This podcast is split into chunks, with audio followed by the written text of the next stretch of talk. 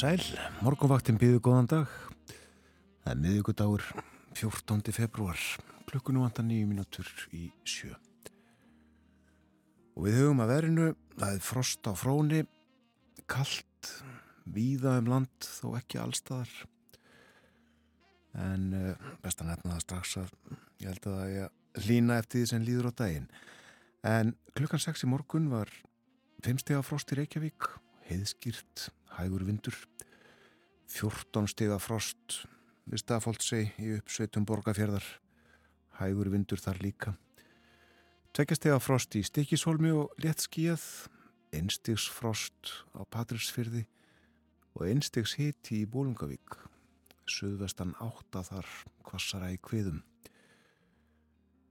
Ég er ekki með tölur frá Hólmavík en áttastega frost var á Blönduósi, þryggjastega frost við Söðunesvita, sextega frost á Akureyri, sextega frost á Húsavík, fimmstega frost á Rauvarhöfn, áttastega frost á Skeltingstöðum, tíustega frost á Grímstöðum, sextega frost á Eilstöðum heiðskýrt þar, fjórastega frost á höfni Hortnafyrði, þryggjastega frost á Kvískerjum, fimmstega frost á Kirkjubæðaklaustri, einstigsfrost á Stórhauðaði Vestmanægjum og tíustega frost í Árnesi. Það er kallt á hálendinu, 17 stega frost til að mynda í veiðvatnarhraunni. Og 10 stega frost sé ég á Holtaverðaheiðinni. Svona var hittast í klukkan 6 en var það ekki öruglega rétt hjá mér Þórun Elisabeth það á að hlýna eftir því sem líður á daginn. Jú, það segir í huglegum veðfræðings að í dag hlýnar smám saman og all viða verður frostlust um landið vestanvert í kvöld að samaskapi verður úrkoma hér og þar, slitta eða snjókoma og er að sjá að mesta úrkoman verði á vestfjörðum. Og eh, frostið þar sem frost verður á bylunu 0 til 5 stig. Annars suðvestan átt í dag 8 til 15 metrar á sekundu, kvassast norðvestan til. Og uh, á morgun þá færist þessi úrkomi bakki yfir á norðanvertlandið og það gætu orðið eftir einhverjar leifar á faksaflóa svæðinu fram eftir degi, segir í hugleðingu viðfræðings. Sem sagt af úrkomunni. Hægur vindur, stöku jél í flestum landslutum yfirleitt þurft setnipartin og uh, á förstu dag þá bætir svo smám saman í austanáttina siðst á landinu, mildara loft, ítir kaldaloftinu smám saman burt. Helgin verður mild og vætusömmum mest allt landið en nýjustu spár benda til þess að það kólni svo aftur á þriðju dagi næstu auku. Þetta er upp og niður fram og tilbaka en uh, já, kallt núna í morgunsárið Ástin Iljar, við vitum það dagur elskenda er í dag, uh, Valentínusardagurinn hlustum á lag um Ástina hér syngur Liz Wright uh, og lagið heitir svo í snari tekstanum upp á íslensku svo verið þið sem ég þreytist aldrei á að elska þig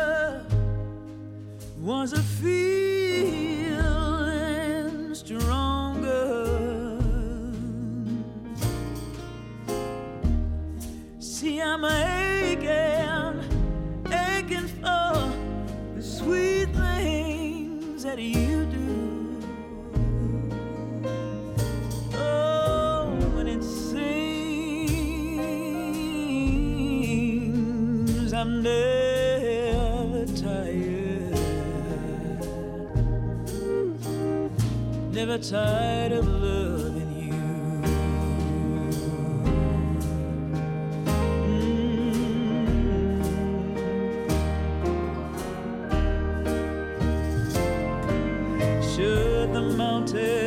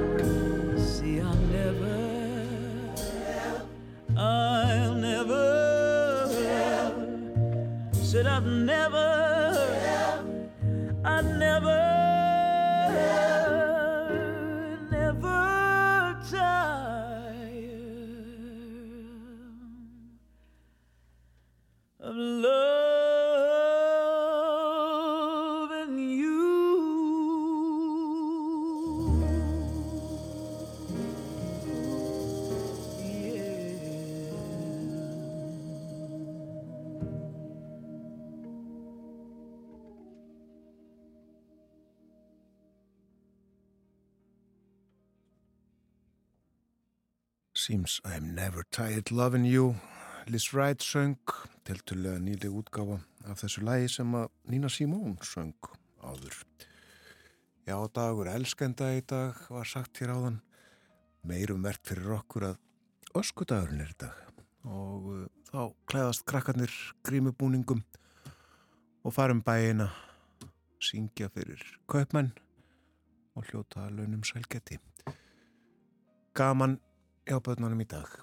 Fréttinnar koma hér eftir smá stund hjá okkur á morgunvaktinu og eftir þær fyrir við yfir dagskrá tátarins þennan morgunin.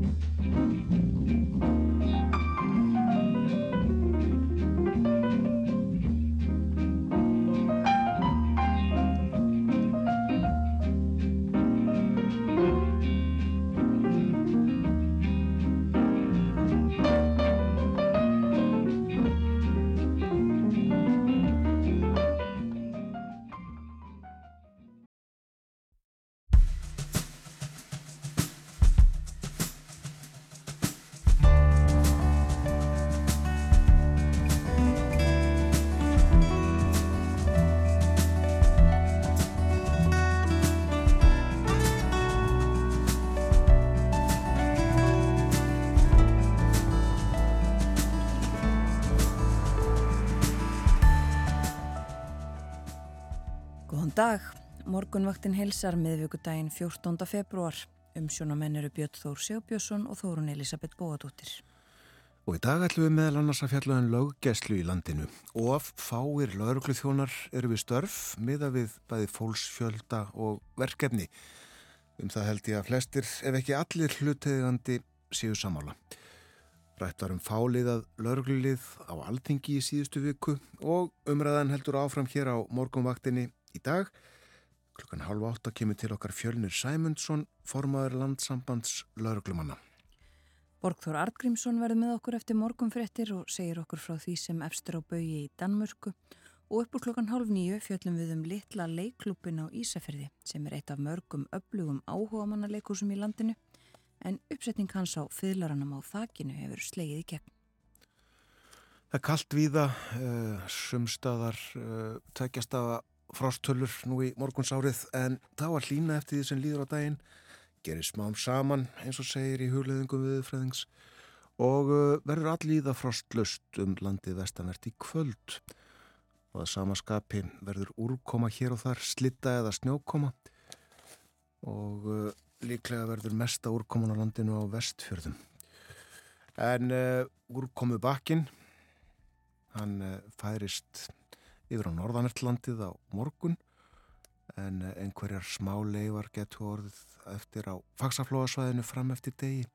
Á förstu dag bæti svo smám saman í austanáttina síðst á landinu og uh, mildaraloft ítir kaldaloftinu smám saman burt.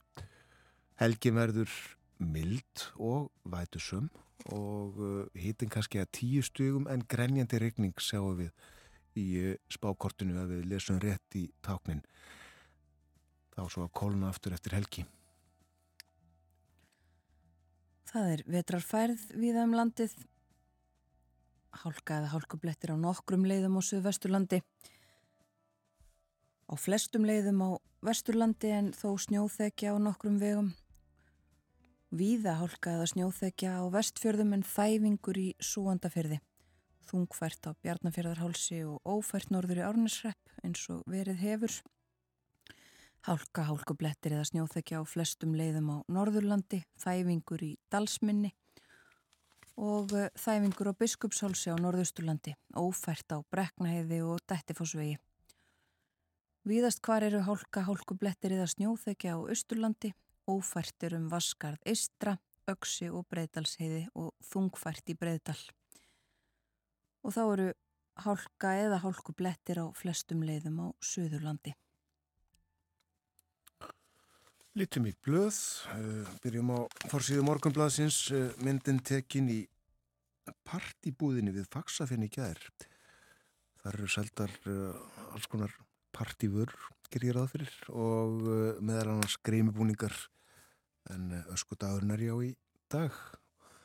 Og krakkar og kannski einhverju fullortnir í greimibúningum.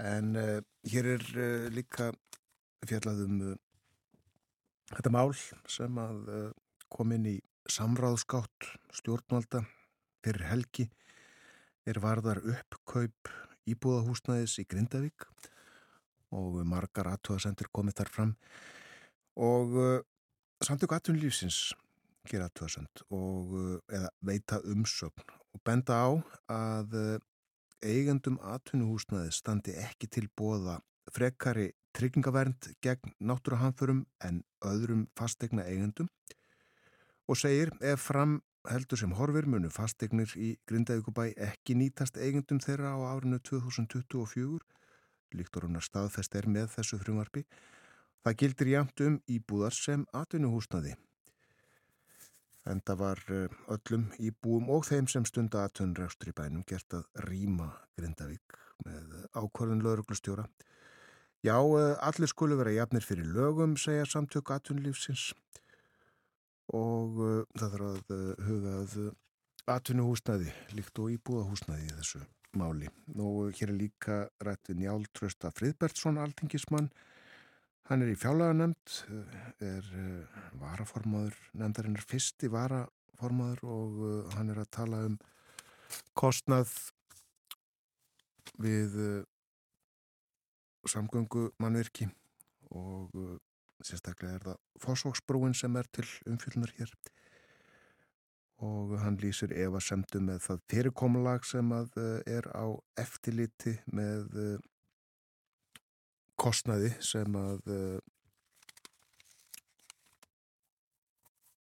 kemur til vegna samgöngu frangvanda eh, og rúmast á samgöngu sáttmálan sem að eh, betri samgöngur hafa umsjón með. Ég hef miklar evasendir um að því ferli sem að kom frá meiri hluta fjárlagarnefndar hafi verið fyllt. Það er lausung á því hvernig staðið er að málum segir njálf trösti. Nú að uh, öðrum fjölmjölum uh, í vikublaðinu er uh, sagt frá grein sem að Elvar Árni Lund skrifar, hann er sviðstjóri skipulags og umhverfisráðs Norðurþings og uh, hann skrifar um gáma, grendagáma sem að settir voru upp á Húsavík síðastliði sumar og segir því miður hefur umgengni um grendagámana verið slæm frá fyrsta degi. Dæmi um að gámatnir hafa verið fylltir af óflokkuðu heimilisorpi, drikjar umbúðum sem eh, bera skilagjald og nú síðast að botfylli af hráu kjöti í gámnum fyrir gler. Augljóst er að ekki eru miskilingaræða, heldur einbeittan brotavilja af hálfu þeirra sem að ganga svona um. Og uh, hann uh, greinir frá því í þessari grein að uh, koma á upp myndavila eftirliti við grendagámana til þess að uh, ég reynir nú að koma í veg fyrir að uh, fólk gangi svona um og þá líka til þess að sjá hverjir gera það. Í Östufrétti er rætt við Þorvald Jón Andresson, hann er 16 ára hag hagirðingur frá Borgafyrði Eistra.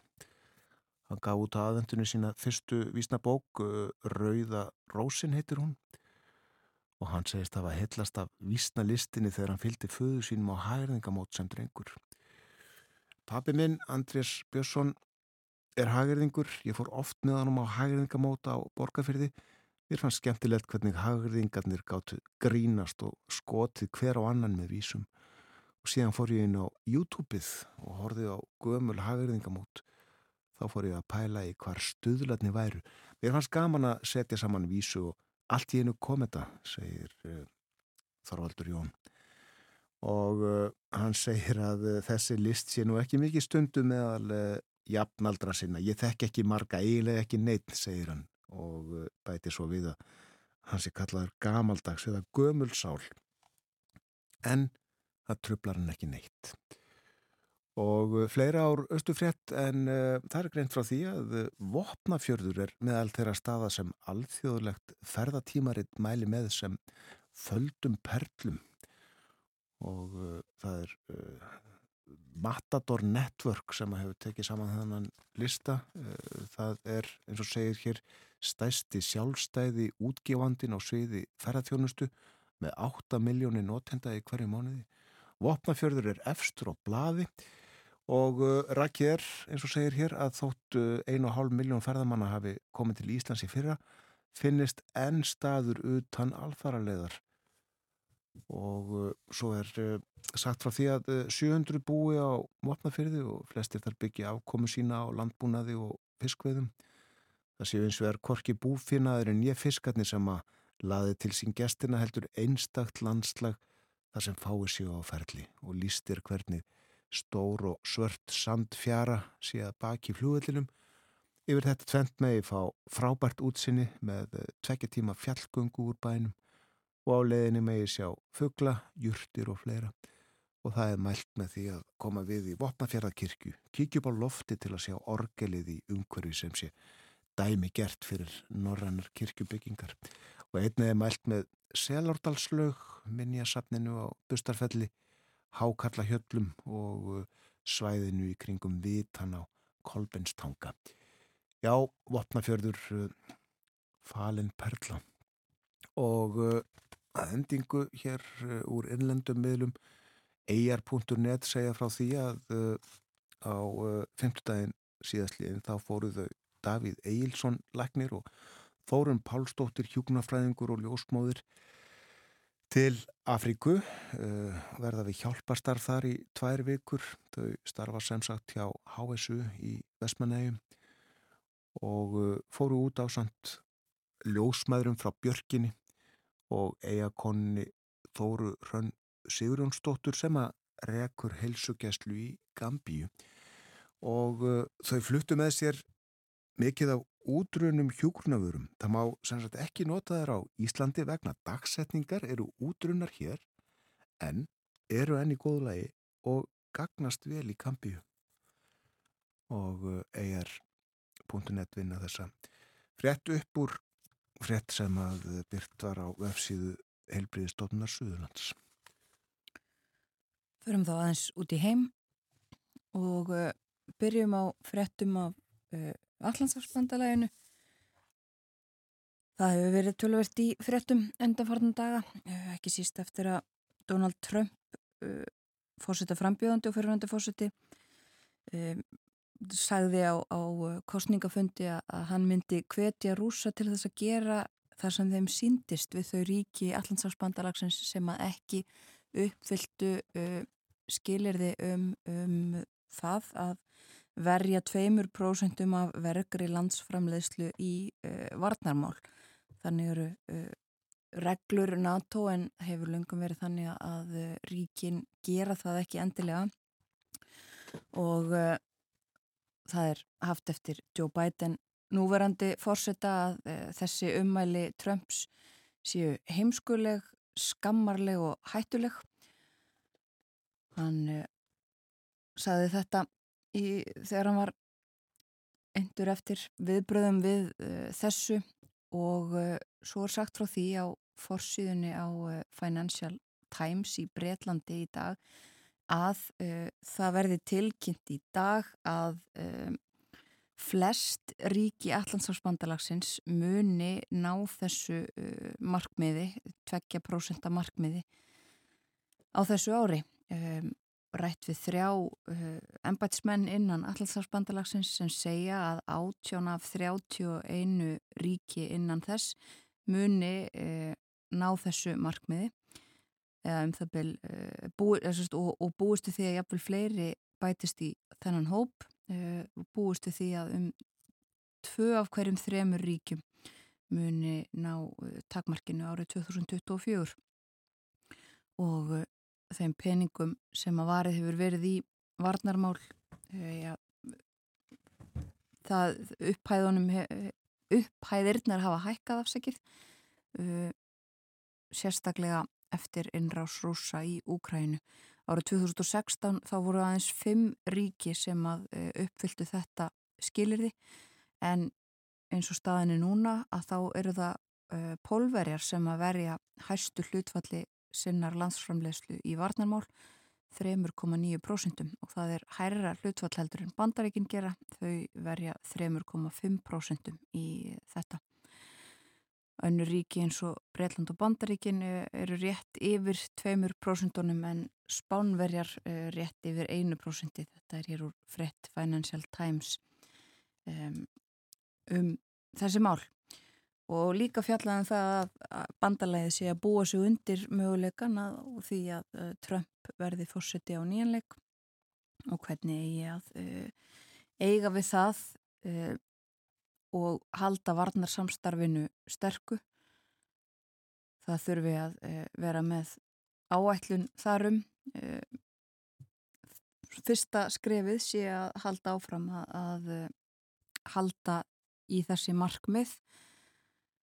Svo þurfi að e, beina sjónum Allandsbandarlagsins að málefnum sem að e, Trump e, hefur sterkar skoðanir á og vill eh, að aðtiklinni sé beintað eins og eh, Kína.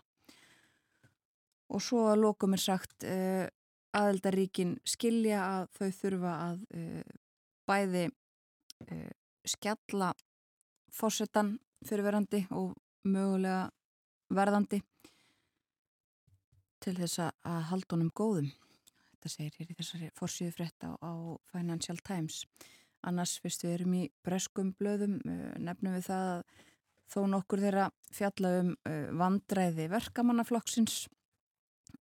Það var frambjóðandi látin fara þaðan á dögunum vegna ummæla sem hann hafði uppi um Ísrael og nú hefur annar frambjóðandi verið verið látin taka pókan sinn eftir að uh, enga fundi hans uh, var eða upptöku af enga fundi var lekið þar sem hann við hafði líka uh, orð um Ísrael sem að ekki þóttu sæmandi.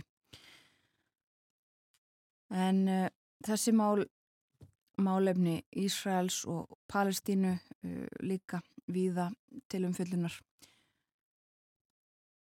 fjallaðum það meðal annars í Ísraelskum fjölmjölum að uh, það hafi uh, verið áformum það að koma óbreytum borgurum á Gaza, á Rafa þar sem að lang flestir eru nú og Ísraelar hafa tilkynnt að þeir ætli að, að ráðast gegn, hafa reynar hafið árásir þar að einhverju leiti uh, að, að fólki verið komið fyrir í tjaldbúðum meðfram strönd Gaza. Þetta hafi verið uh, kynnt ekifskum ennbættismönnum en uh, bæði saminuðu þjóðurnar og, og fleiri hafa sagt að uh, þau taki ekki þátt í þessu, muni ekki taka þátt í því að neyða fólk úr stað. Marta þessu fólki sem er í Rafa hafi nú þegar neðst til þess að flytjast á milli staða eða flýja á milli staða fjórum, fimm sinnum, jáfnvel oftar og það verði ekki e, saminuðu þjóðnar mun ekki vera aðlega en einu slíku. Og e, ráðamenn viða e, tjá sig um þessi mál og vara Ísraela við e, byggja þá um að, um að hætta við og e, krafanum vopnallíi líka e, vaksandi en sagt frá því líka hér í, í Ísraelskum fjölmjölum að sendinemd Ísraela sé komin aftur frá Kæró í Egiptalandi um, eftir viðræður um opnalli. Og einn frétt til viðbútar sem við nefnum í dag, uh, það er frá Pólandi. Uh, mikið verið rætt um pólska fjölmila og, og tökin sem að stjórnvöld hafa haft á uh, ríkisfjölmilunum um, en um helgina að þá var sjónvarsmaður á ríkisjónvarpinu sem að uh, bað hins einn fólk afsökunar á því hvernig komið hefur verið fram við það í fjölmjölum síðustu árin. Og uh, þessu fagnað víða. Sem þetta gott að vera lendum fréttum í byli Já, uh, svona næstum því hér er menningafett en frá því var greint í fjölmjölum út í heimi fyrir helgi, ég held að það hefur verið í morgunblæðinu á lögadaginn að tónlistamæðurinn Mark Knopfler að það leggja styrtasjóðum barna með krabbamein lið og sapna fyrir þá peningum. Uh, Mark Náfler var jú aðalmaðurinn í kljónsettinni Dire Straits sem að starfaði með hlýðum frá 1977 til 1995 og hann allar sem sagt að uh, endurleika lag sem hann samti fyrir kvikmyndina Local Hero uh, árið 1983 og endurgerðin verður ekkert venjuleg, hann hefur fengið til liðsvið sig tíu tónlistamanna sem væri kannski ekkert svo óunilegt ef að þorrið þeirra væri söngorar en uh, það eru þeir ekki eitthvað aðlega gítarleikarar. Erik Clapton verður þarna, Slash úr Guns N' Roses, David Gilmour úr Pink Floyd, Brian May úr Queen, Tony Iommi úr uh, Black Sabbath, Ronnie Wood úr Rolling Stones, Pete Townsend úr The Who og Alex Lifeson úr Rush, svo einhverju séu nefndir.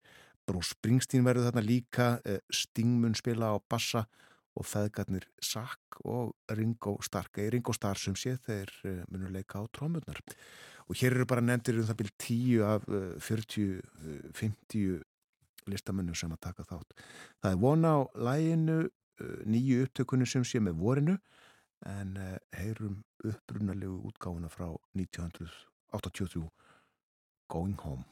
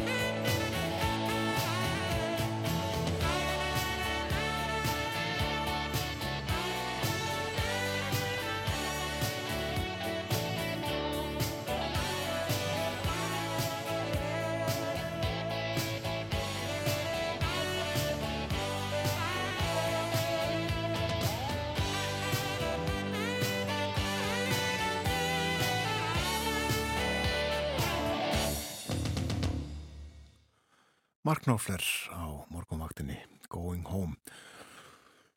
Það líður að frétta yfir liti, kemur eftir tvær mínútur, eftir það ætlum að fjalla um málefni laurglunar, eh, formaðar landsambands laurglumanna er að koma sér við, eh, við borðið hjá okkur. Minni svo á umfjöllunum dönsk málefni eftir morgun fréttnar klukkan átta og milli hálf nýju og nýju, blómlegt leiklistastarf á Ísafjörði.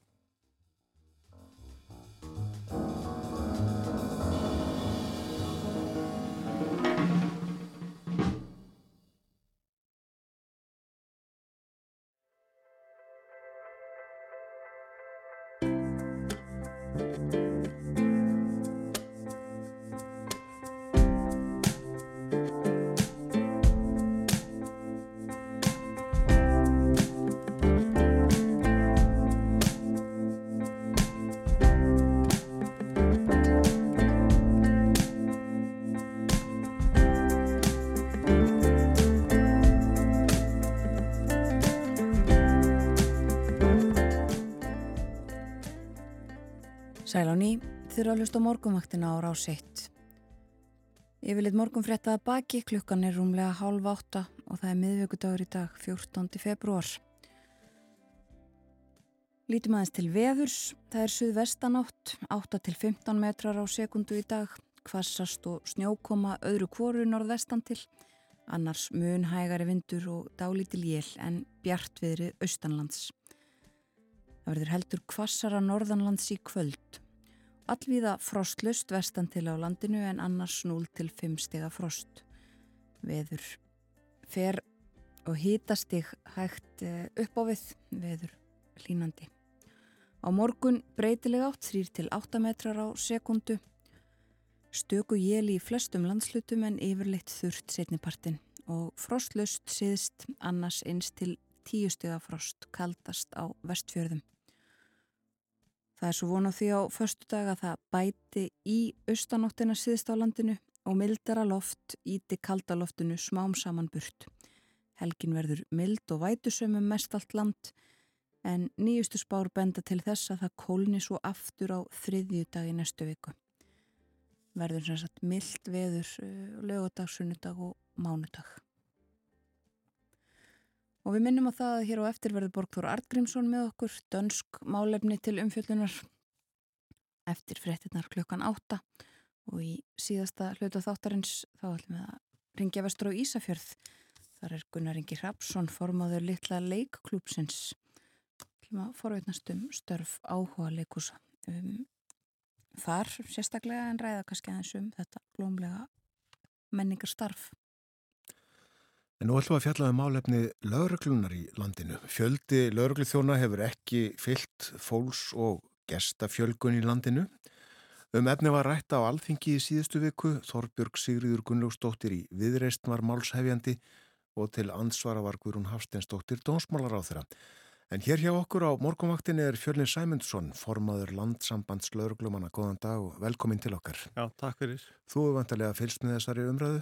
Já, ég, svona, já, ég fór svona yfir hann aftur eftir á og fylgdist með þessu. Og hepp, heppin að hafa Þorbjörg Kvartan Þingi, hún alltaf starfaði innan kervisins lengi, þannig að hún þekkir þessi málefni. Já, var þetta almennt góð umræða? Já, mér fannst það nú, almennt góð og þing, þingminn almennt, já, hvað er fannst mér og, og, og samála? Já, það er enginn á þingi sem vil fækka lauruglumunum. Nei, ég held ekki, en, en fólk hefur svona mismyndu skoðun á því hversu mikið völd lauruglumenn eiga að hafa eða lauruglan í landinu. Já, hver er þín skoðun á því? Ég hef nú svona, já, e e eftir ég var formar þá fór ég að beita mynd oldi fyrir því sem ég kvöldin rávarnar vopni, aðri kallar rafbissur og svo hef ég oldi verið svona fylgjandi því að lauruglan fái auknar heimildir, það sem hefur verið kallað forvirkar rannsóknar heimildir, þó megi ekki nota það orð sko, hefur kallað afbrótavarnir en hann að ég hef doldi verið á því við, við, við þurfum á því að halda til að, til að vera eins og önnur lönd og ekki sér nema eins og önnur norðurlönd að geta fengið upplýsingar og skipst og upplýsingum Já, segð okkur hvað er átt nákvæmlega við með þessu? Já, við getum til dæmis sagt að ef það kemur maður frá Svíþjóð sem að hann að okkur grunar að stundi glæpi þar, segjum bara hann komið frá Malmö, að þá viljum við geta kannski fy- fylgst með því hvað, hvað hann er að fást við hér á landi, hver, hverju hann er að hitta og, og slíkt.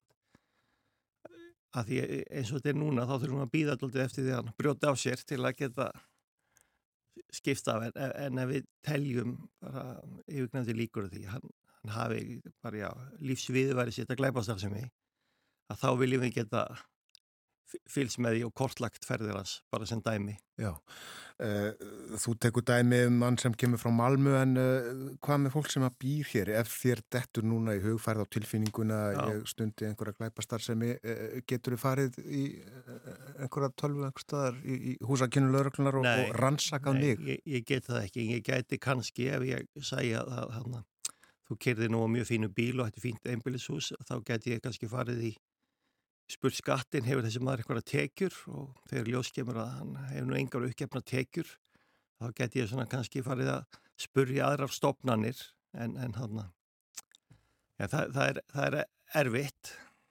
Ég, ég, er, ég er náttúrulega gæti mögulega að farið fyrir dóm og reynda að fá heimil til að fylgjast með þér og Já, það er óvís hvernig það færi ef ég hefði ekkert hefði ekkert á þig eins og sagt er nei, en ef, ef uh, þessar heimildir verða auknar og eins, eins og það er talað um þetta venjulega fælst þá ekki í því heimild þín til þess að rannsaka mig eitthvað betur heldur en, heldur en hægtir í dag. Snýr þetta aðalega að þess að útlendingu sem koma til landsins?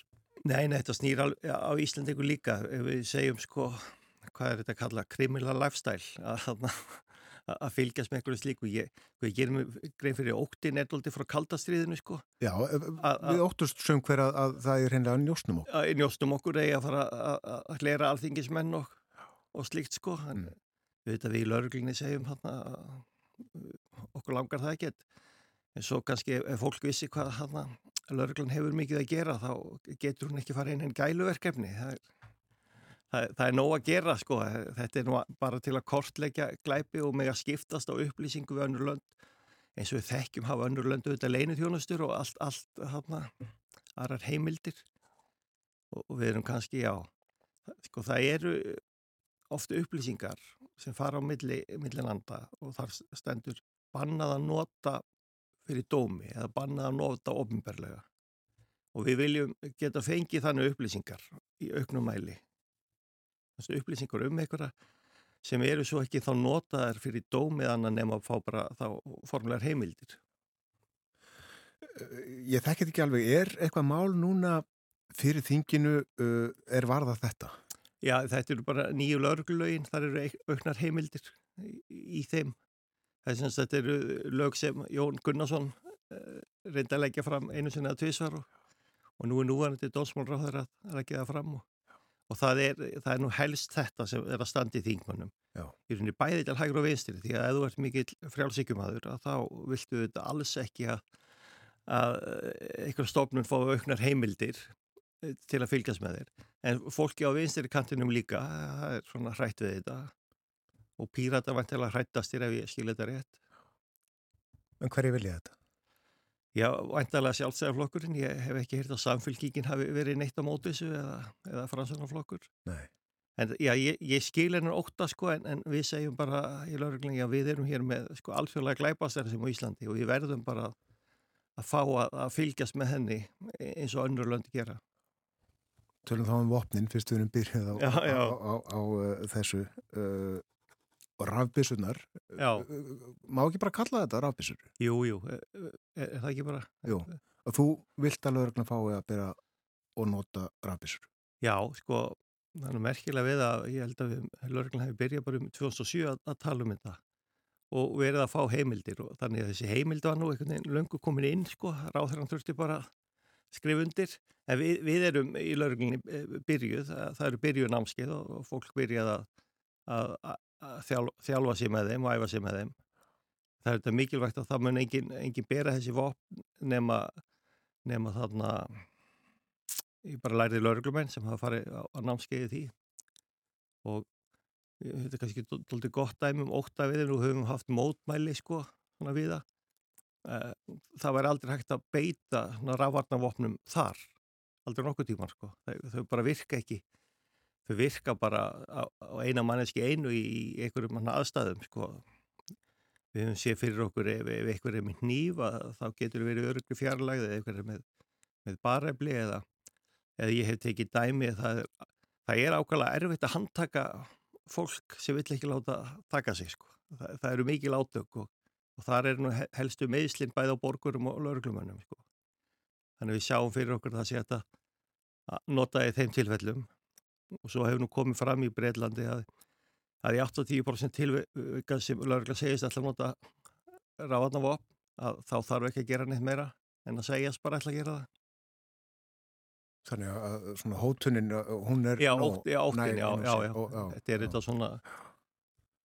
En hvað getur ímyndaðir að á, segjum bara síðastlinu einu ári, eh, hafi komið upp mörg tilvík þar sem að uh, laurugla hefði, já, nokkort sagst alltaf nota eða hreinlega notað rafis? Ég, ég veit að, ég veit að bara, sko, ef ég, ef ég sko, að því nú starfið sem laurugla, maður getur farið inn í lauruglukerfið. Ég sé bara í hverju viku er einhver vopnaður eða, eða, eða sko, laurugla er að segja, þessi er á ferðinni, en passið einhver á honum, hann, hann gengur um vopnaður og, og það, já, það er bara hverju vikur er eitthvað með nýf eða eitthvað vopn það er bara það er bara því miður þannig og já. ég veit ekki alveg hvað þetta er sko, en það verðist bara enginn sem svona já, ég er í einhvern glæpum, er að stoppaður öðru sem að vera vopnaður Og það er mikil breyting á því sem að var þegar þú bara byrjaður í lurgla? Já, já, mikil breyting. Það var kannski einn og einn með eitthvað, eitthvað vopni, eitthvað stær í bílnum, sko.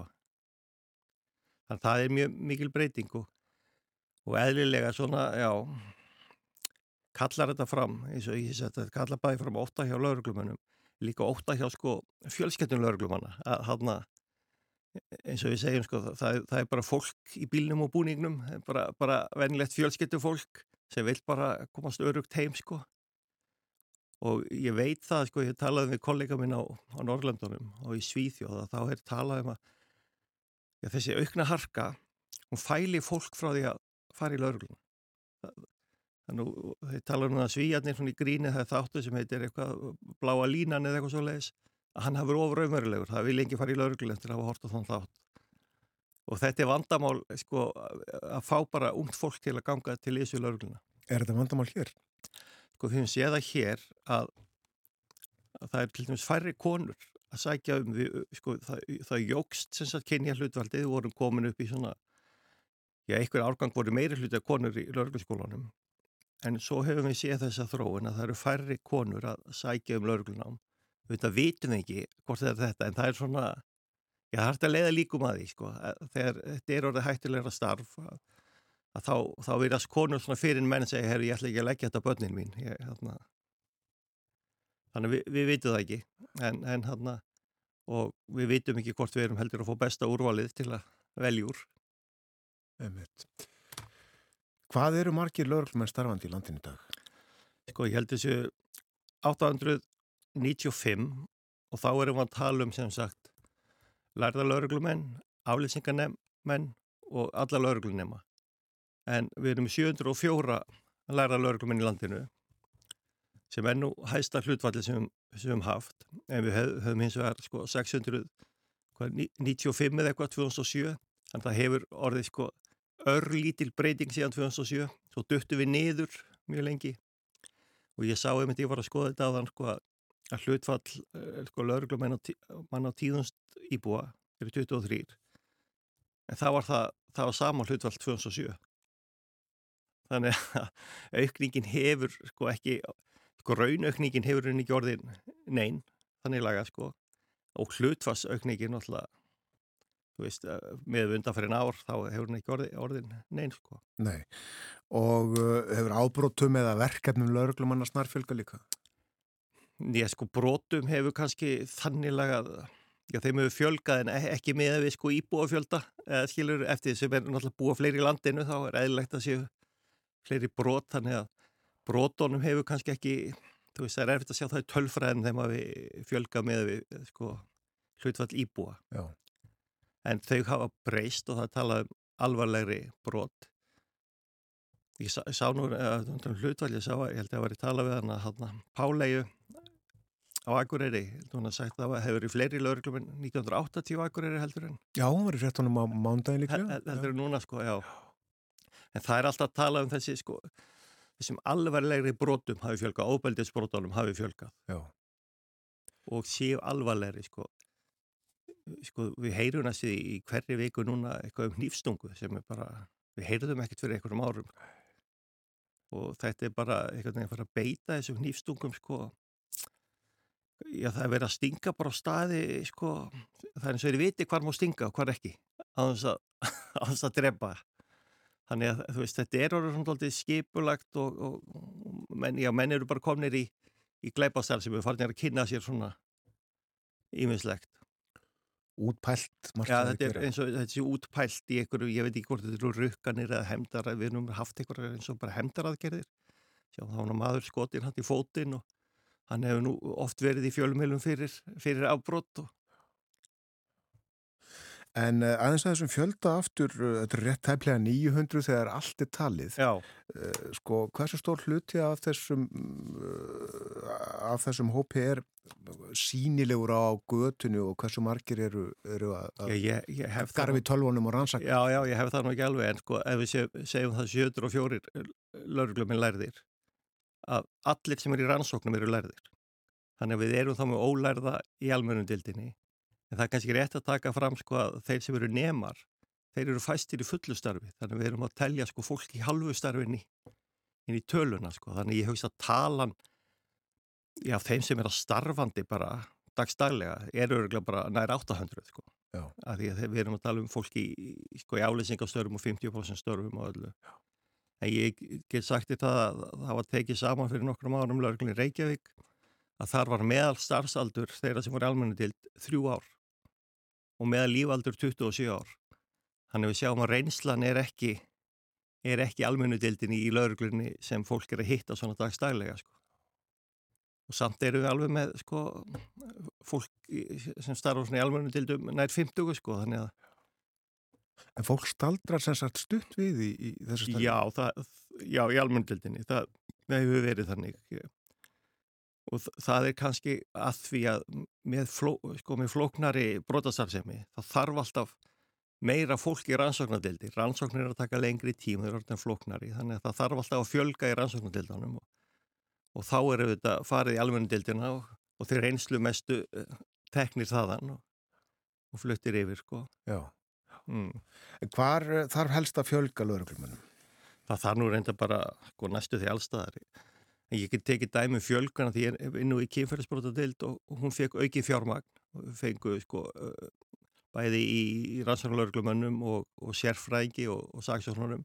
Og þá sko ég held að við hefum bara við hefum aldrei verið með færri opinn mál heldur eftir þessa fjölgun. Þannig að þetta skiptir gríðarlegu máli. Og það má heldur ekki gleyma því sko að þetta, svo ég segi það eru margirnindi fólks að fá málinn sér rannsökuð. Og þau sé ekki sko mánuð með árum saman í kerfinu sko Þannig að það skiptir líka mjög miklu mál að fjölgi rannsóknum til þess að fólk fái bara, já hvað getur við sagt, bara laust sína mála hvort sem einhver er, er ákerður eða ekki. Þá er bara, já það er betur að fá að vita það þá að, að máli verið lagt niður. Já. En svo þarf náttúrulega að fjölga, sko, bara fyrir öryggi borgar þarf þetta að fjölga í almenni dild og, og svo erum við þetta með þannig land, sko ég var nú í laugluna á, á Suðurlandi og ég var stattur á Kolsvelli og þurfti að fara, fara sko forgangsastur á vík eh, þið geti ímið eitthvað, það tekur doldin tíma og jafnveilum vetur þannig að við erum líka með þess að vega lengdir þannig að hérna sko Já, einu sinni var lauruglustöði hverju plássi, eða ekki? Jú, jú, það, það var þannig og sér lauruglastaðar Og það er aldeilis ekki þannig? Nei, og það virðist vera sko, bara eins og höfuborgarsæðir það verður þessi saminning og það virðist vera á sama tíma hafið og það er raun fækkun á lauruglumönum það var manna á laurugli Hafnafyrði, Kópúi og Reykjavík. Og þá voru sko fleiri lauruglumenn á hverjum stað. Það var lauruglustöð á Seltjarnesi Já, já, já, já, já, akkurat. Þar var eh, herra Sæmi Rokk sko. Já. og ég menna eins er þetta náttúrulega við um landi sko að það var, voru lauruglustöðar í, á hverjum stað og svo erum við að fara í eitthvað svona hagraðingar í yfirstjórn með það samina en þá verðist það að sko fækkað líka lauruglumennunum Já. En hafa uh, allar skiplarsbreytingar hjá lauruglinni meirið að minna síðustu ára og áratíu að því að hagraða, að spara peninga frekar en að ebla lögjastlu í landinu? Já, sko, auðvitað er yfirskriftin að ebla lögjastlu en mér sýnist það nú að, að það, sko veist, auðvitað er það líka markmiði sko að, að svona einhvern veginn að hægræða sko. Og það virðist bara gerast eins og ég heldur við þekkjum þetta með saminningu sveitafélagi líka sko að það, það á að gera þetta alveg eins og jafnvel betur sko. En, en svo er allt í einu loka sundlöginni þannig og, og e einhverju svona skóla, skóla já og þannig að, að, að það virðist alltaf gerast að það, það dregst allt bara að stæðsta staðnum sko og þessi minni verður svona útundan og og ég til dæmis sé það mjög við í landið eru lögum með sko orðinir á bakvakt. Það er ekki nætuvaktir heldur er bara, eru bara bakvakt og svo bara ringt ef eitthvað kemur upp á sko Já. og auðvitað er það ekki að auka öryggi löglumanna sko, ég þóri ekki eins og að segja þér að þú getur keitt ringir í kringu landi á vissum tíma sólurhengs og þú örglega ekkert löglumann Þeir eru allir svoandi bara en með síman á Já, nottunum já, það er, það er bara þannig. Það er, það er bara nokkri staði þar sem er er nætuvakt og ég vil vera að fækka á nætuvöktum þar á vissum dögum. Þetta er ekki gott. Nei, þetta er svona sko, ef þú setur þetta inn í Excel-skjál og segir, heyru, það er aldrei rétt að gera miðugdagsnóttum, við skulum ekki hafa neitt þar en menna, svo verður bara stór slisa miðugdagsnótt og þá þarf að ringja alla út og þannig þetta er auðvitað, auðvitað er þetta þannig starf bara eins og í, í slökkuliðinu sko, stundum sem betur fyrr er ekkert of mikið að gera en, en þú þarfst að hafa eitthvað tilbúin til, til að fara á staðin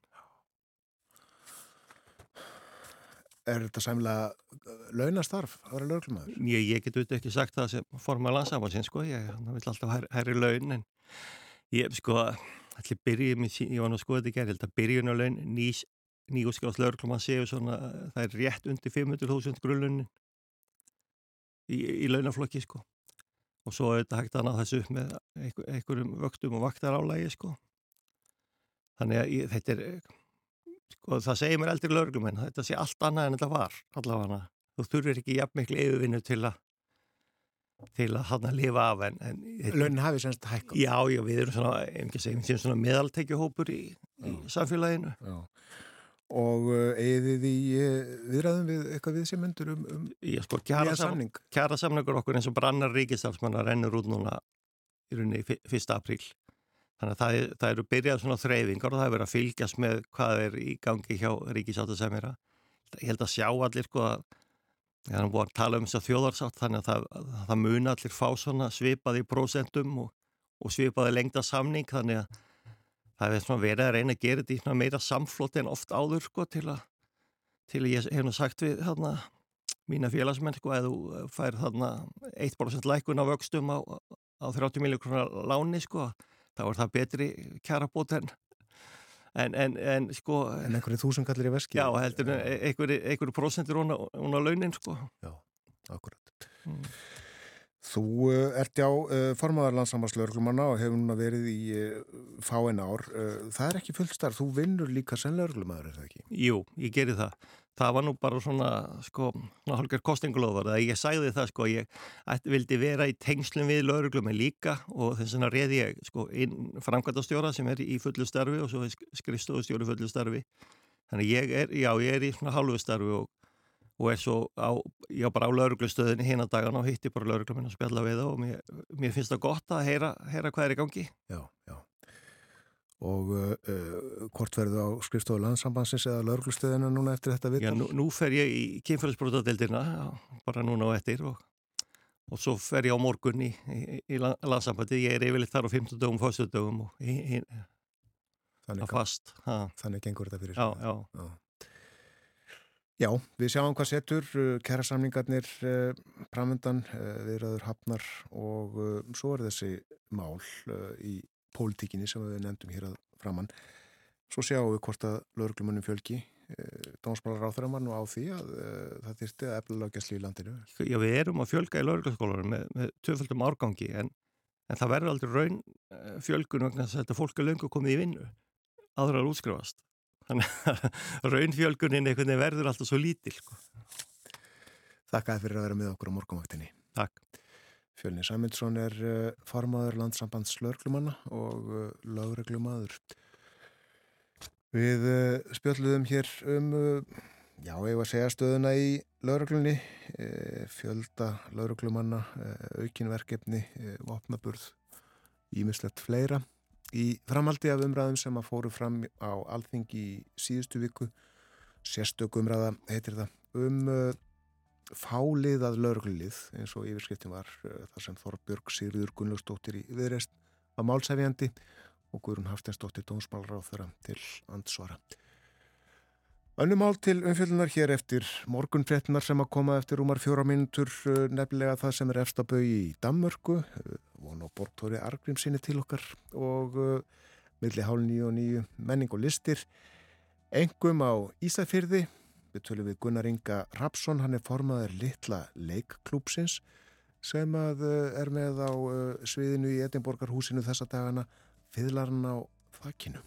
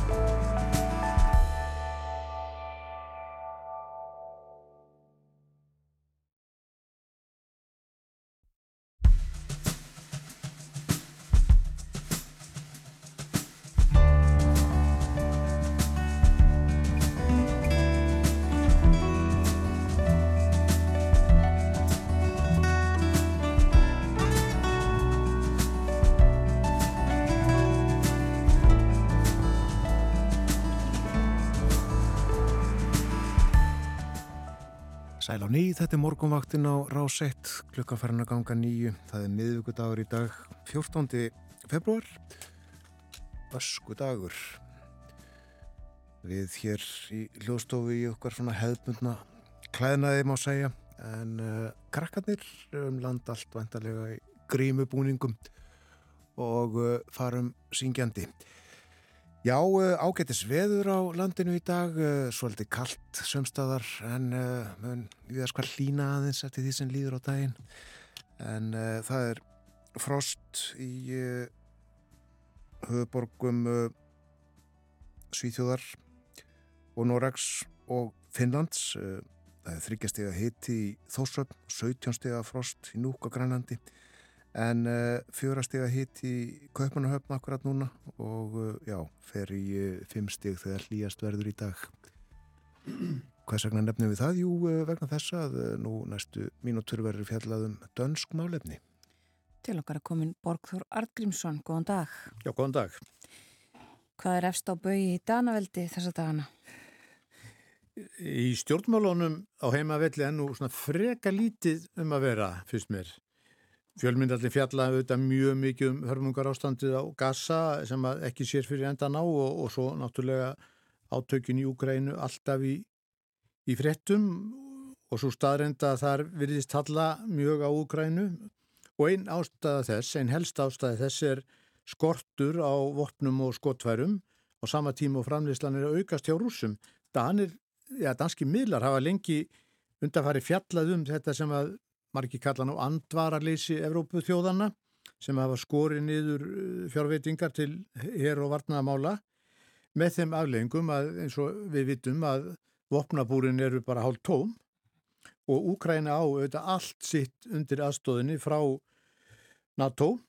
Danir hafa gengið mjög langt í þessum niðurskurði og hafa nú snúfið blæðinu og auki fjárveitinga til muna og danska stjórnin eins og við fjöldum um hérna fyrir nokkur síðan þegar var keift skotfæravesmiðu í Elling á norðu Jótlandi og henni var loka 2020 en verið nú sett í gang á ný. Henni var loka semst 2020. Já, og vendanlega þá verið lokaða því að það gekk ekki, það hefði ekki verið kaupendur að framleyslunni. Já, nákvæmlega, það var auðvitað ástæðan.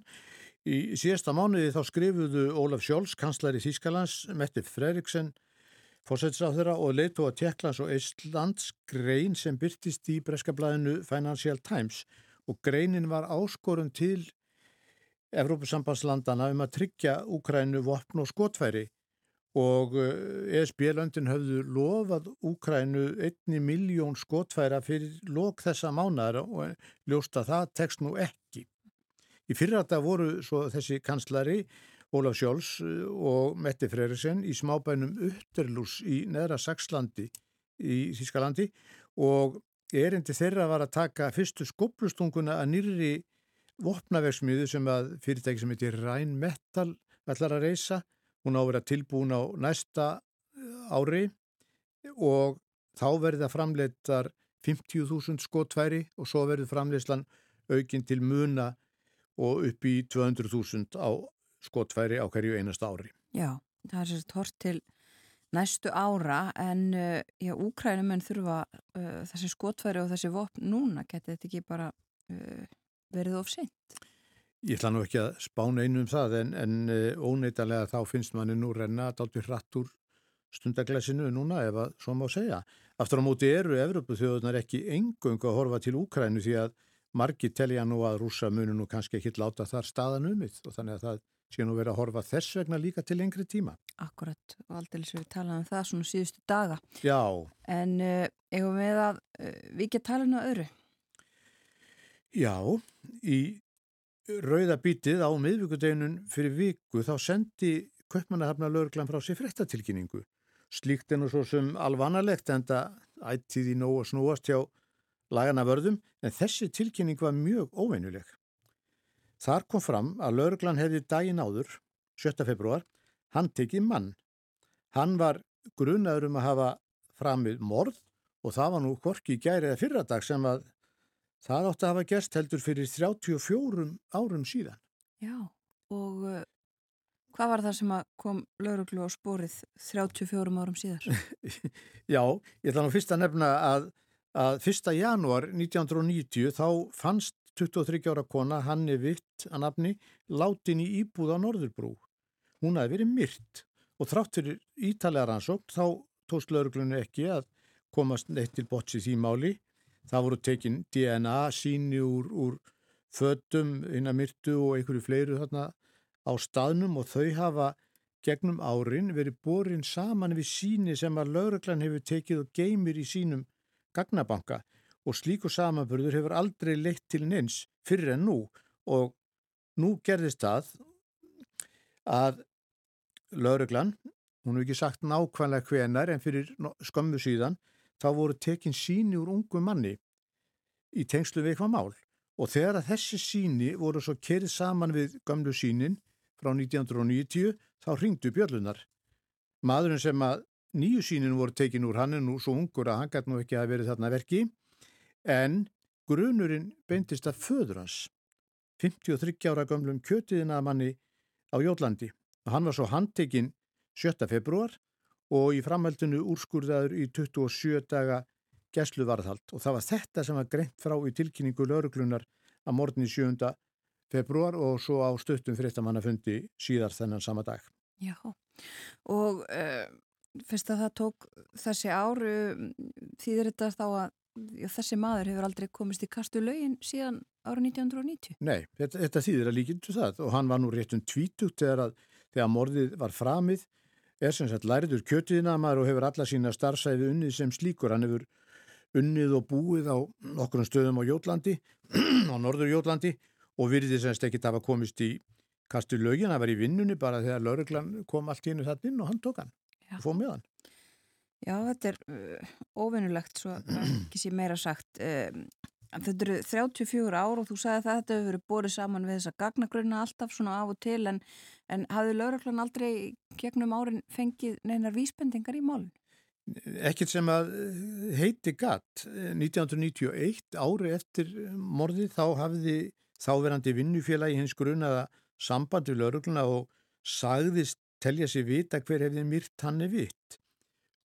Og ég veit ekki alveg hvað hefur gerst en það virðið sem að lauruglan hafi ekki eh, eigi ekki nafnans þessa manns því að hún lýsi nú eftir honum. Og uh, einhvern hluta vegna þá bara vita er ekki hver hann er og hann hefur ekki ennþá gefið sér fram þó að sér búið að lýsa eftir honum núna í markgang um, lauruglan hefur ekki gefið upp um það hvað þessi maður sagði hvort þetta var eitthvað svona fyllir í svo alveg einhverjum bar og eitthvað, það, maður veit ekkert um það. Það var nú fjölmarkir vinnu og skólafélagar haft samband við lörglu síðan málið kom upp en ekki þessi maður sem að á sínu tíma talaði við laurugluna. En já, lauruglan hlýtur að vera nokkuð vissi sinni sög uh, um það að þessi handtekni maður sem að líka var úrskurðaður í gerstluvarðhald uh, sé sá sem var þarna á verki. Já, ég held að það hljóta að vera. Það var mjög mikið fjallað um þetta mál og uh, þegar þetta kom upp hérna og dagan á eftir. Ég var nú í Kaupmannahöfni í síðustu viku og fylltist nú nokkuð vel með og fjölminnarnir rættu við fyrirverandi yfirmenn og sérfræðinga innan lauruglunar og þeir voru allir á einu málum að, að lauruglan hlýta hafa mikið í höndunum fyrst hún uh, gekk svona ákveð til verk, hún hlýti að bara vera nokkuð viss í sinni sög og nú er sem sagt rannsóknin sjálfsagt í fullum gangi og, og, og kjötiðin að maðurinn sittur í gæsluvarðhaldi. Já, og svona alvarlegur glæpur uh, eins og morð, morðmál fyrtnast ekki. Nei, þau fyrtnast aldrei. Það er mjög margt sem fyrtnist en, en aldrei morðmál. Nei. Það er mjög aðteklisvert og, og þú segir okkur aflust frá þessu efa eftir því sem að uh, frekara upplýsingar berast. En já, þú segist að það verið í Kaupmannhöfni síðustu viku. Var ekki allt við það sama þar? Allt eins og það á að vera í Kaupmannhöfni? Jú, jú. Það, það held ég nú bara. Það hefur nú mikið verið fjallað um veðrið sem hefur nú verið mjög rísjótt. Já. Og þriðu daginn 7. februar þá mæltist mesta úrkoma sem mælst hefur á einum sólarheng í februar í Kaupmannhöfn síðan mælingar hófust árið 1874. Þetta voru 25 millimetrar. Það var náttúrulega oft fallið meiri úrkomið þetta en ekki í februar og þó að 25 millimetrar sé nú svona dálítið þá held ég til dæmis að þeim hvískerja sístkinnum blessu sín og minning þeirra þeim hefur nú bara þótt þetta svona dálítil demba. Já. En danir eins og margir þeir merkja náttúrulega mikla breytingar á veðfarinu og það veldur þeim miklum áhyggjum og uh, úrkoman hefur aukist og það er gert ráð fyrir því að hún aukist verulega næstu áratugi í Danmörku. Já. Það er nú ekkit verið að spáði að Danmörk verði eitthvað allserja rig, rigningar bæli en þetta eru sem sagt breytingar og landi náttúrulega er eins og við vitum alveg flatt og, og víða lítið um varnir Mm. og það er víða mjög mikill raki í jörðu núna og uh, og ekkit lát á, virðist vera, árið í fyrra var mjög, var mjög votviðra samt og það hefur svo haldið, janúar var það líka núna, þannig að, að þetta er mikið svona áhyggjöfn og er mjög mikið til umfjöldunar og það eru settið miklu peningar í allskynns uh, varnir, flóðavarnir og fráveitukerfi og þess aftar og veitir ekki af. Nei, einmitt, af. við höfum rætt það reglulega uh, undanfara missari einmitt fréttir af flóðum og uh, erfileikum vegna viðs. Já, já, og maður, maður, maður sér að, að eh, þegar maður fer um landið, til dæmis að Amær, þar sem flugvöllurinn er nú, þar er búið að byggja sko háa garda, flóðavarna garda, alveg upp í tveggja metra háa sko, Já, til þess að varna því að, að, að sjór gangi inn og þeir eru náttúrulega bæði að hugsa um hækkandi sjávaborð og svo líka, líka það að, að það er meira um svona storma heldur en verið hefur Já. og uh, það hefur líka mjög mikil áhrif og við höfum nú sett það og við höfum svo sem talað um það hér að þegar að sjórin þrengi sér alla leið upp í eistrasaltið og svo tilbaka þá, þá er voðin vís. akkurat. Já, og mikil umræða um þetta og aðgerðir í gangi í Damersku. Já, já, og, og feiki miklu peningar settir í þetta. Mhm. Og þetta sé ekki mikið talað um sko, það í sjálfu sér. Það er einhvern veginn svo svona nánast einhvern þegjandi samkomalag. Já. Það komið að danska læginu, Borgþór. Já, e, það þarf nú að vera dálítið formálega því. Þegar ég var í Kaupmannöfni síðustu viku þá sá ég í bókabúð bók sem heitir Eitt líf með Matador sem er eftir Líse Nörgård, höfund sjónvastáttana Vinsælu Matador. Þetta er endurútgáfa bókar sem kom út árið 2003. Svo sá ég að í dag, akkurat í dag, er verið að frumsýna nýjan sönglik Já. í Kaupmannöfn sem er byggður á sögunni og sjónvarsþáttunum vinsælu og uh, það er kannski ástæðan fyrir því að það var verið að endur útgefa þessa bók. Ég nú, kefti nú bókina og, og, og búin að spæni gegnum hana. Ég hafði ekki lesað hana fyrr og ekki gömlu útgáfana og hún er mjög skemmtileg.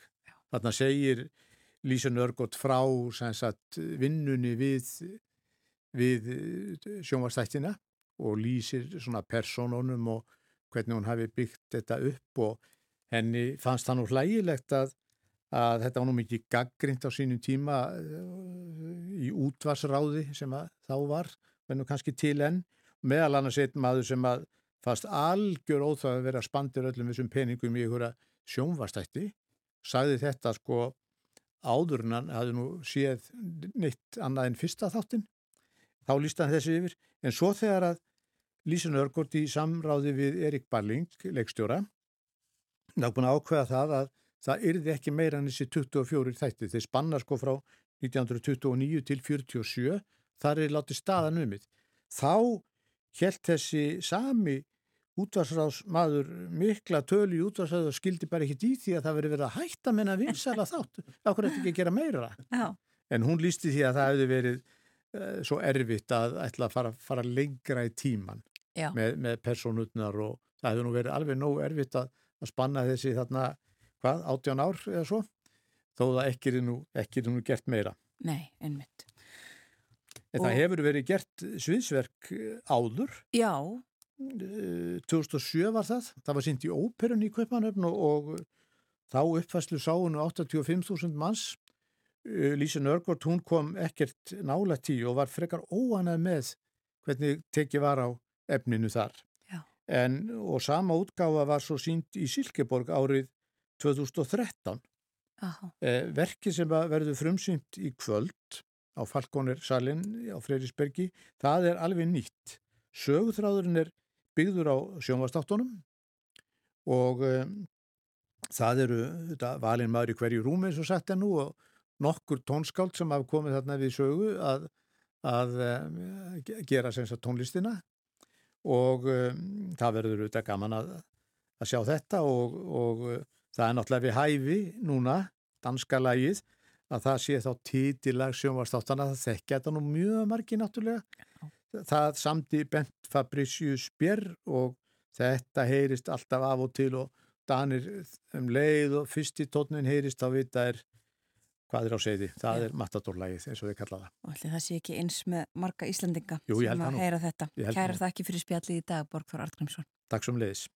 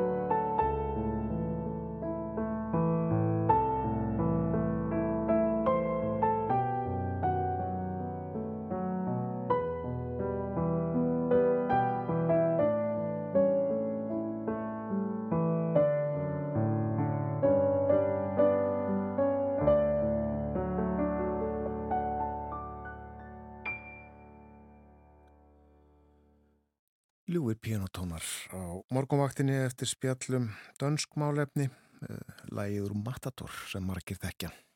Já, það var síðasta umræðu efnið í spjalli við Borgþór Artgrímsson um dansk málefni. Það verður nýtt uh, leikverk frumsýnt í kvöld uh, á Fredriksbergi um eða upp úr þessum sögum Lísi Nörgård. En það líður að yfirleiti morgunfrétta hjá okkur á morgunvaktinni. Nefnum kannski aðeins fyrst að uh, við höfum talað svolítið um tónlist og uh, í kvöld þá spilar vikingur Heður Ólafsson fyrstu af uh, þremur, þrennum tónleikum í Eldborgarsal Hörpu. Það eru uppselt á alla tónleikana þeir eru í kvöld og förstu dag og sunnudag held ég og uh, það eru Goldberg tilbriði Bach sem eru á efniskráni eins og uh, í þessu tónleika ferðalagi Víkings heiðar, heiðars um heiminn hann á líka afmæli í dag heldur upp á færtugsammalið sem sagt í fullum eldborgarsal í hörpu í kvöld mm, Skemmtilegt En já, það líður yfirleiti morgun frétta og í síðasta hluta þáttarins hjá okkur ætlum við að uh, ringja vestur. Við ætlum að ræða um menningu og listir áfram. Það er Gunnar Ingi Hrapsson formaður litla leikklúpsins á Ísafjörði sem verður í símanum hjá okkur. Ætlum að tala uh, um leikfélagið og uh, um uppsetningu þess á, á fyrlaranum á þakinu sem hefur sleiði gegn.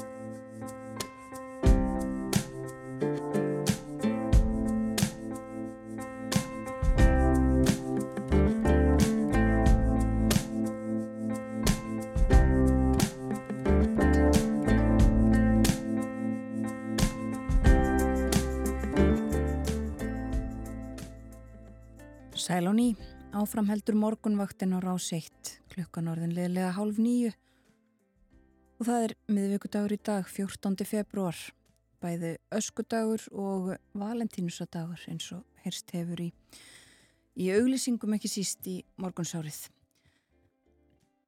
Og það er söðvestan átt í dag, 8-15 metrar á sekundu, kvassast og snjókoma öru kóru norðvestan til á landinu en annars munhægari vindur og dálítil jél en þó bjart viðri austanlands. Það verður svo heldur kvassara norðanlands í kvöld. Allvíða frostlust vestan til á landinu en annars 0 til 5 stega frost. Og á morgun hægur vindur breytileg átt stöku jél í flestum landslutum en yfirleitt þurft setnipartin. Frostlust síðst á landinu annars 1 til 10 stega frost kaldast á vestfjörðum. Það hlínar svo í veðri á förstu dag og eh, verður myllt og vætusamt um helgina og á mánudag. Nýjustu spár bend til þess að það takja kólna á nýja á þriðju dag í næstu viku. Kaldast á vestfjörðum á morgunni á þangaliku leiði næst en eh, uppsetning litla leikklúpsins á Ísafjörði á fyllarannum á þakkinu höfu vakið aðtikli.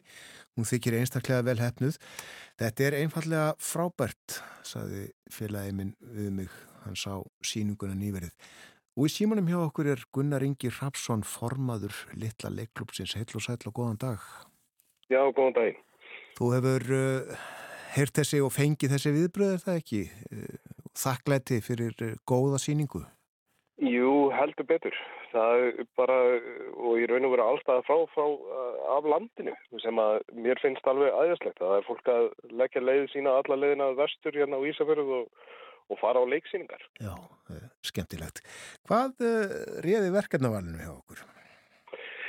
Þetta var í raun og veru hérna fyrir alveg góðu ári síðan þá fórum við að huga því að setja eitthvað upp í samstarfi við tónlistaskólan á Ísafjörði og við vorum bara með nokkrar hugmyndir um hérna verk til þess að setja upp og það var bara á þessum fundum þar sem við töluðum fram og tilbaka meðal annars með honum Bergdóri og hérna henni Þórildi Þorleifs að uh, þá var þeilarinn á þakkinu fyrir valinu. Já, Já Bergdór Pálsson er uh, skólastjóri tónlistaskólans á Ísafyrði. Já. Happa fengur fyrir uh, listalíf á Ísafyrði. Já, opbóðslega og bara gaman að fá hann hingað og hann og Albert í þessi fjögur ár sem að þeir eru búin að vera hérna. Já. Þannig að það er mitt, maður finnur það alveg að menningarlífið blómstar hérna. Þannig að hérna, það var bara, já, rosalega skemmtilegt að geta tekið eitthvað svona stóst verkefni og, og sett á stað bara, já, já. Og þú nefndir Þórildi Þorleifsdóttur, já, hún leikstýrir það lág fyrir að hún myndi leikstýra.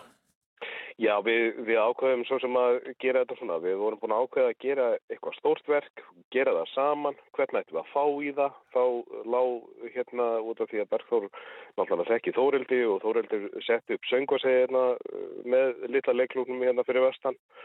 Og ég vil nú meina það að hún sé hálgerju ísfyrringur, þannig að hún ólst nú hérna upp.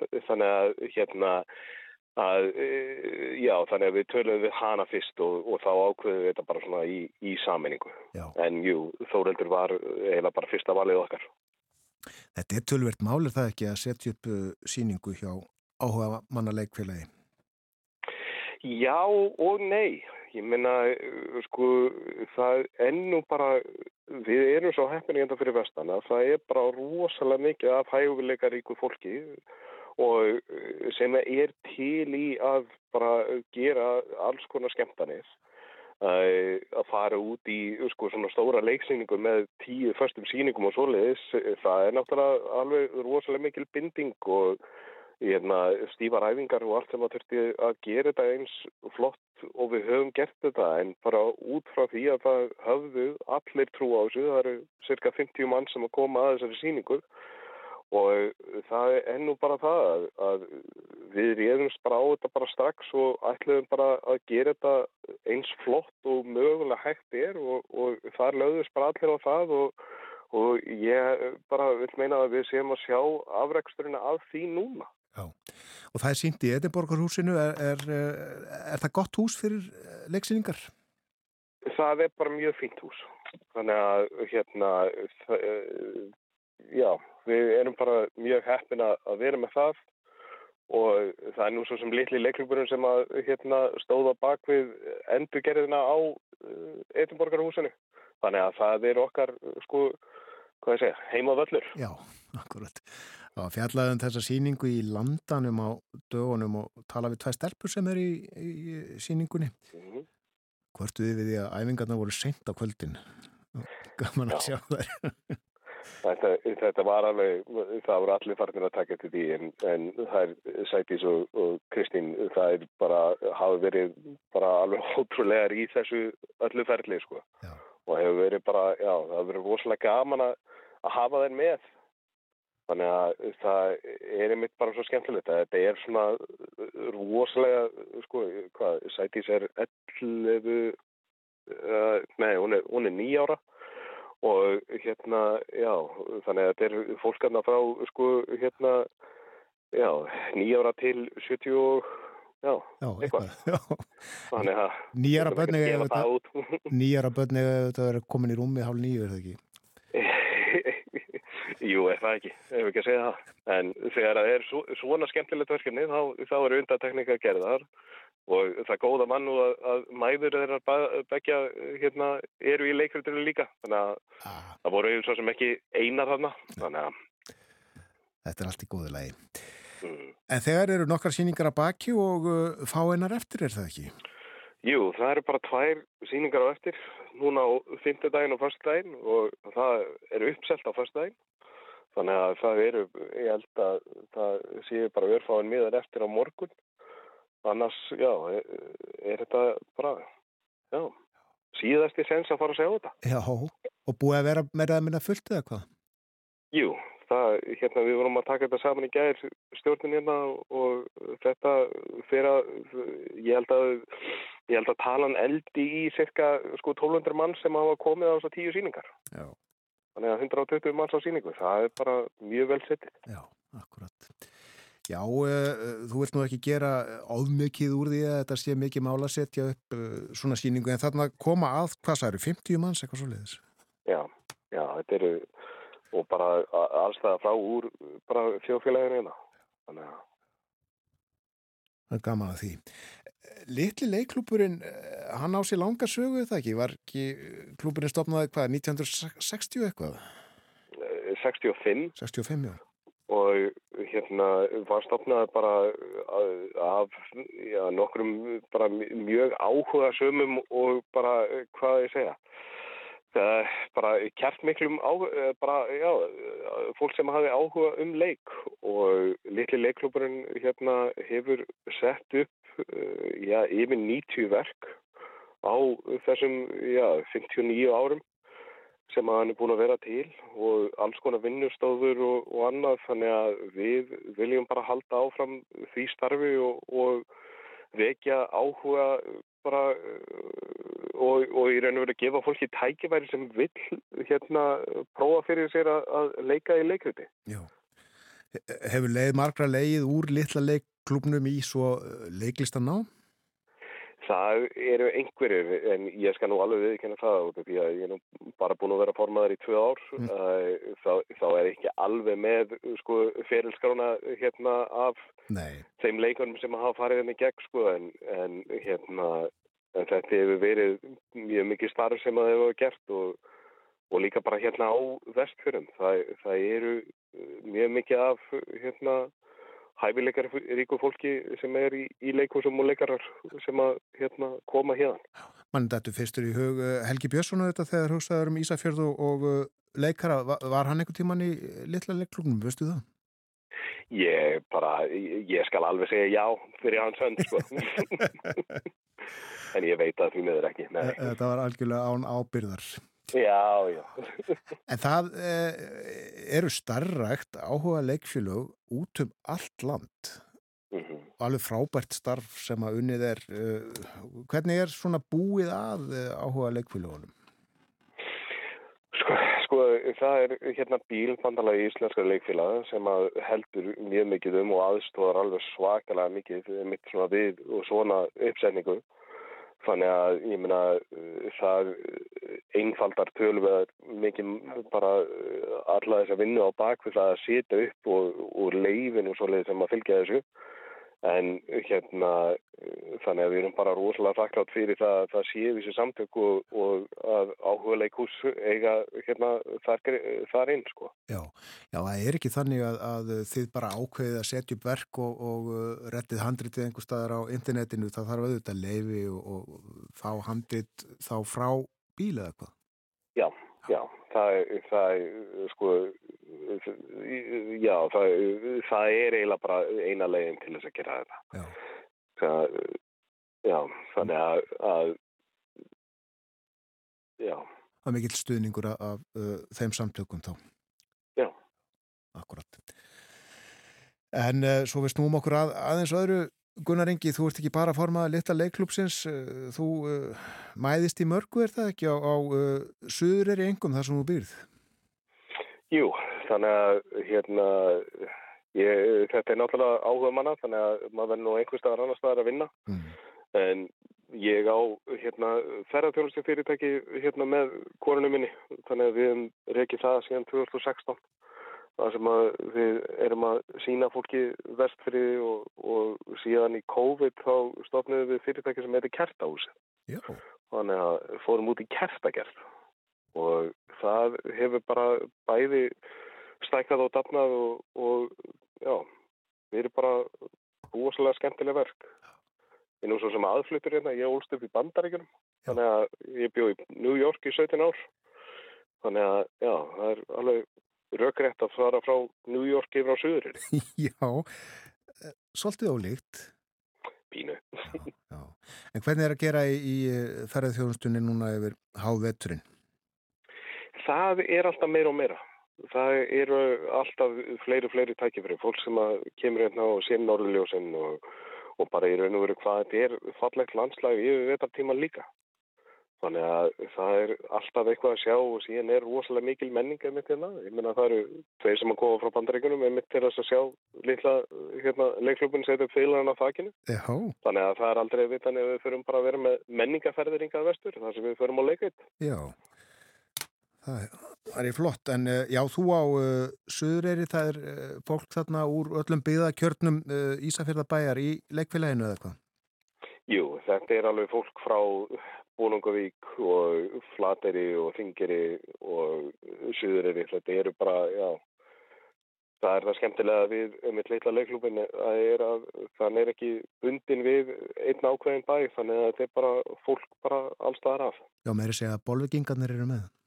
Já, já, það, þeir eh, fá, hérna, fá verið með okkur líka. Það er engin undaskiln. Nei, annars stundum rígur þarna á milli er það ekki. Já, svo segja það mér en ég skilin ekki alveg. En þú já, uh, bjóst lengi í bandaríkjunum, hvað uh, dróð þig að uh, starfinu í litla leikklubnum? Hvað dróð mig að? Kona mín tók þátt í leikriti sem það settu við upp 2021 og hérna eh, þá bara sá ég í raun og veru hvað þetta væri óbúslega mikilvægt bara fyrir samfélagið þetta og að geta átt þessa möguleika á að taka þátt í leikriti. Þannig að þá hérna fór ég aðeins svona að skipta mér af. Og hérna síðan bara spurði hvort ég vildi ekki vera með þeim í stjórninni og já og síðan hérna er ég orðin formaður. Þannig að þetta var í, raun og veru þetta er svona eh, alveg klást áhuga manna eins og svo sem var eh, hérna á undan mér og ég þekki vel hann Stengrimur hérna eh, hann einmitt sagði fyrst alltaf bara já ég verð bara bara eitthvað baðiksvis og síðan bara já þegar maður fór svið og, síðan verður maður orðin formaður og, og þetta er bara þannig, þetta er svona hálf soga mann inn, Já. þetta er bara það skemmtilegt, en mér finnst þetta rosalega mikilvægt bara einmitt upp á það að halda þessu gangandi, þannig að ef að dóttir mín til dæmis ákveðir einhvern tíman að vilja hérna, taka þátt í leikriti þá sé þessi möguleiki til staðar. Já, já þetta er uh, mikilvægt í samfélaginu og uh, þannig er það víðan um land. Þau eru mörg mjög öflug áhuga leikfélaginu eins og við nefndum hérna áðan. En uh, hérna í, í blá lokkingunarengi, ég veist, veit að þú þurftir að skreppa út á hann. Uh, er kallt á söður eri núna í morgunsárið? Nei, það, þetta er bara eins og þetta á að vera, rétt um frásmarkið og bara þægilegt viður. Já, næstu í lokn kannski. Það er alltaf lokn á vestunum. Já, ég veit. Vissi það. Og gaman að heyra þér uh, þakkaði kellega fyrir spjallið og, og uh, til hamingju með þessa uppfæslu á fyðlarnum og þakkinu. Já, takk hérlega. Bless, bless. Bless. Við uh, eigum því miður ekki upptöku með tónlistinni úr þessari uppfæslu. Uh, getum ekki hlusta á Bergþór Pálsson syngja ef við varum ríkur. En uh, förum aftur til ásins 1969 þá setti þjóðleikúsið þetta verk á svið og Róbert Arnfinnsson var uh, tefja mjölkupóstur hlusta á hann syngja.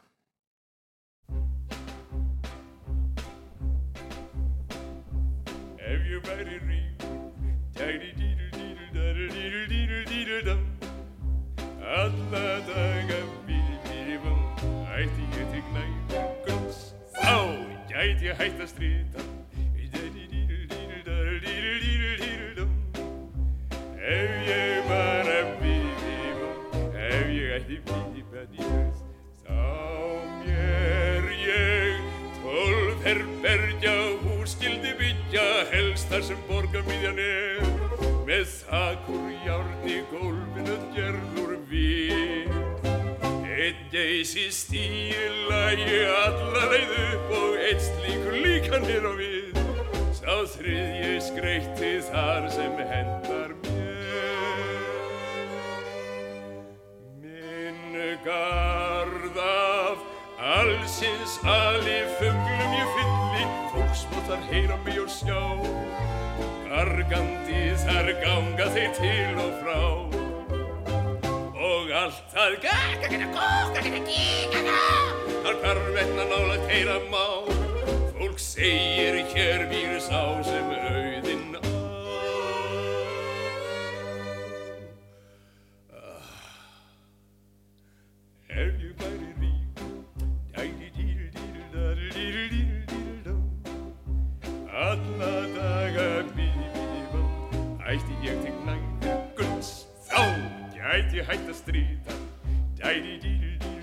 díl díl dó.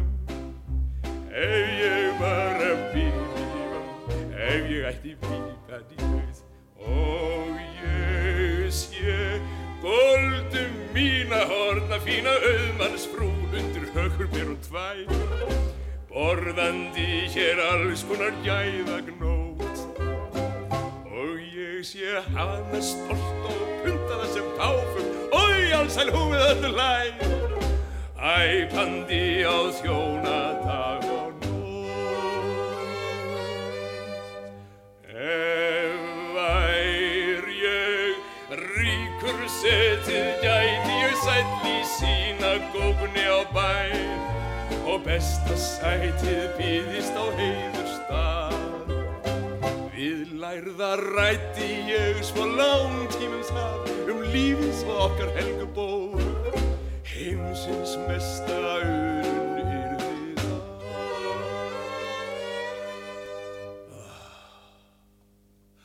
Ef ég væri rík, dæri-dýri-dýri-dæri-dýri-dýri-dó Alla daga bíri-bíri-bum Ætti ég til gnæði gulls Þá ég hægt að stríta Guð sem ljón og lamskókt jafnfram mér Lést mig verða slíkan sem ég er Spyrtis hafði samt nokkru fyrir þér Þótt ég ríkur liði hér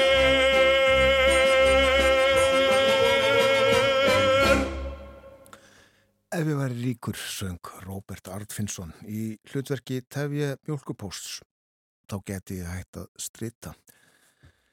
Ég held þess ég við hæfi að eh, hlusta á þá Bergþór Pálsson syngja við eigum sagt ekki hljóðutökur upphæslunni á fylgjaranum á þakkinu hjá litla leikklúpnum á Ísafyrði þar sem að Bergþór er Tefje.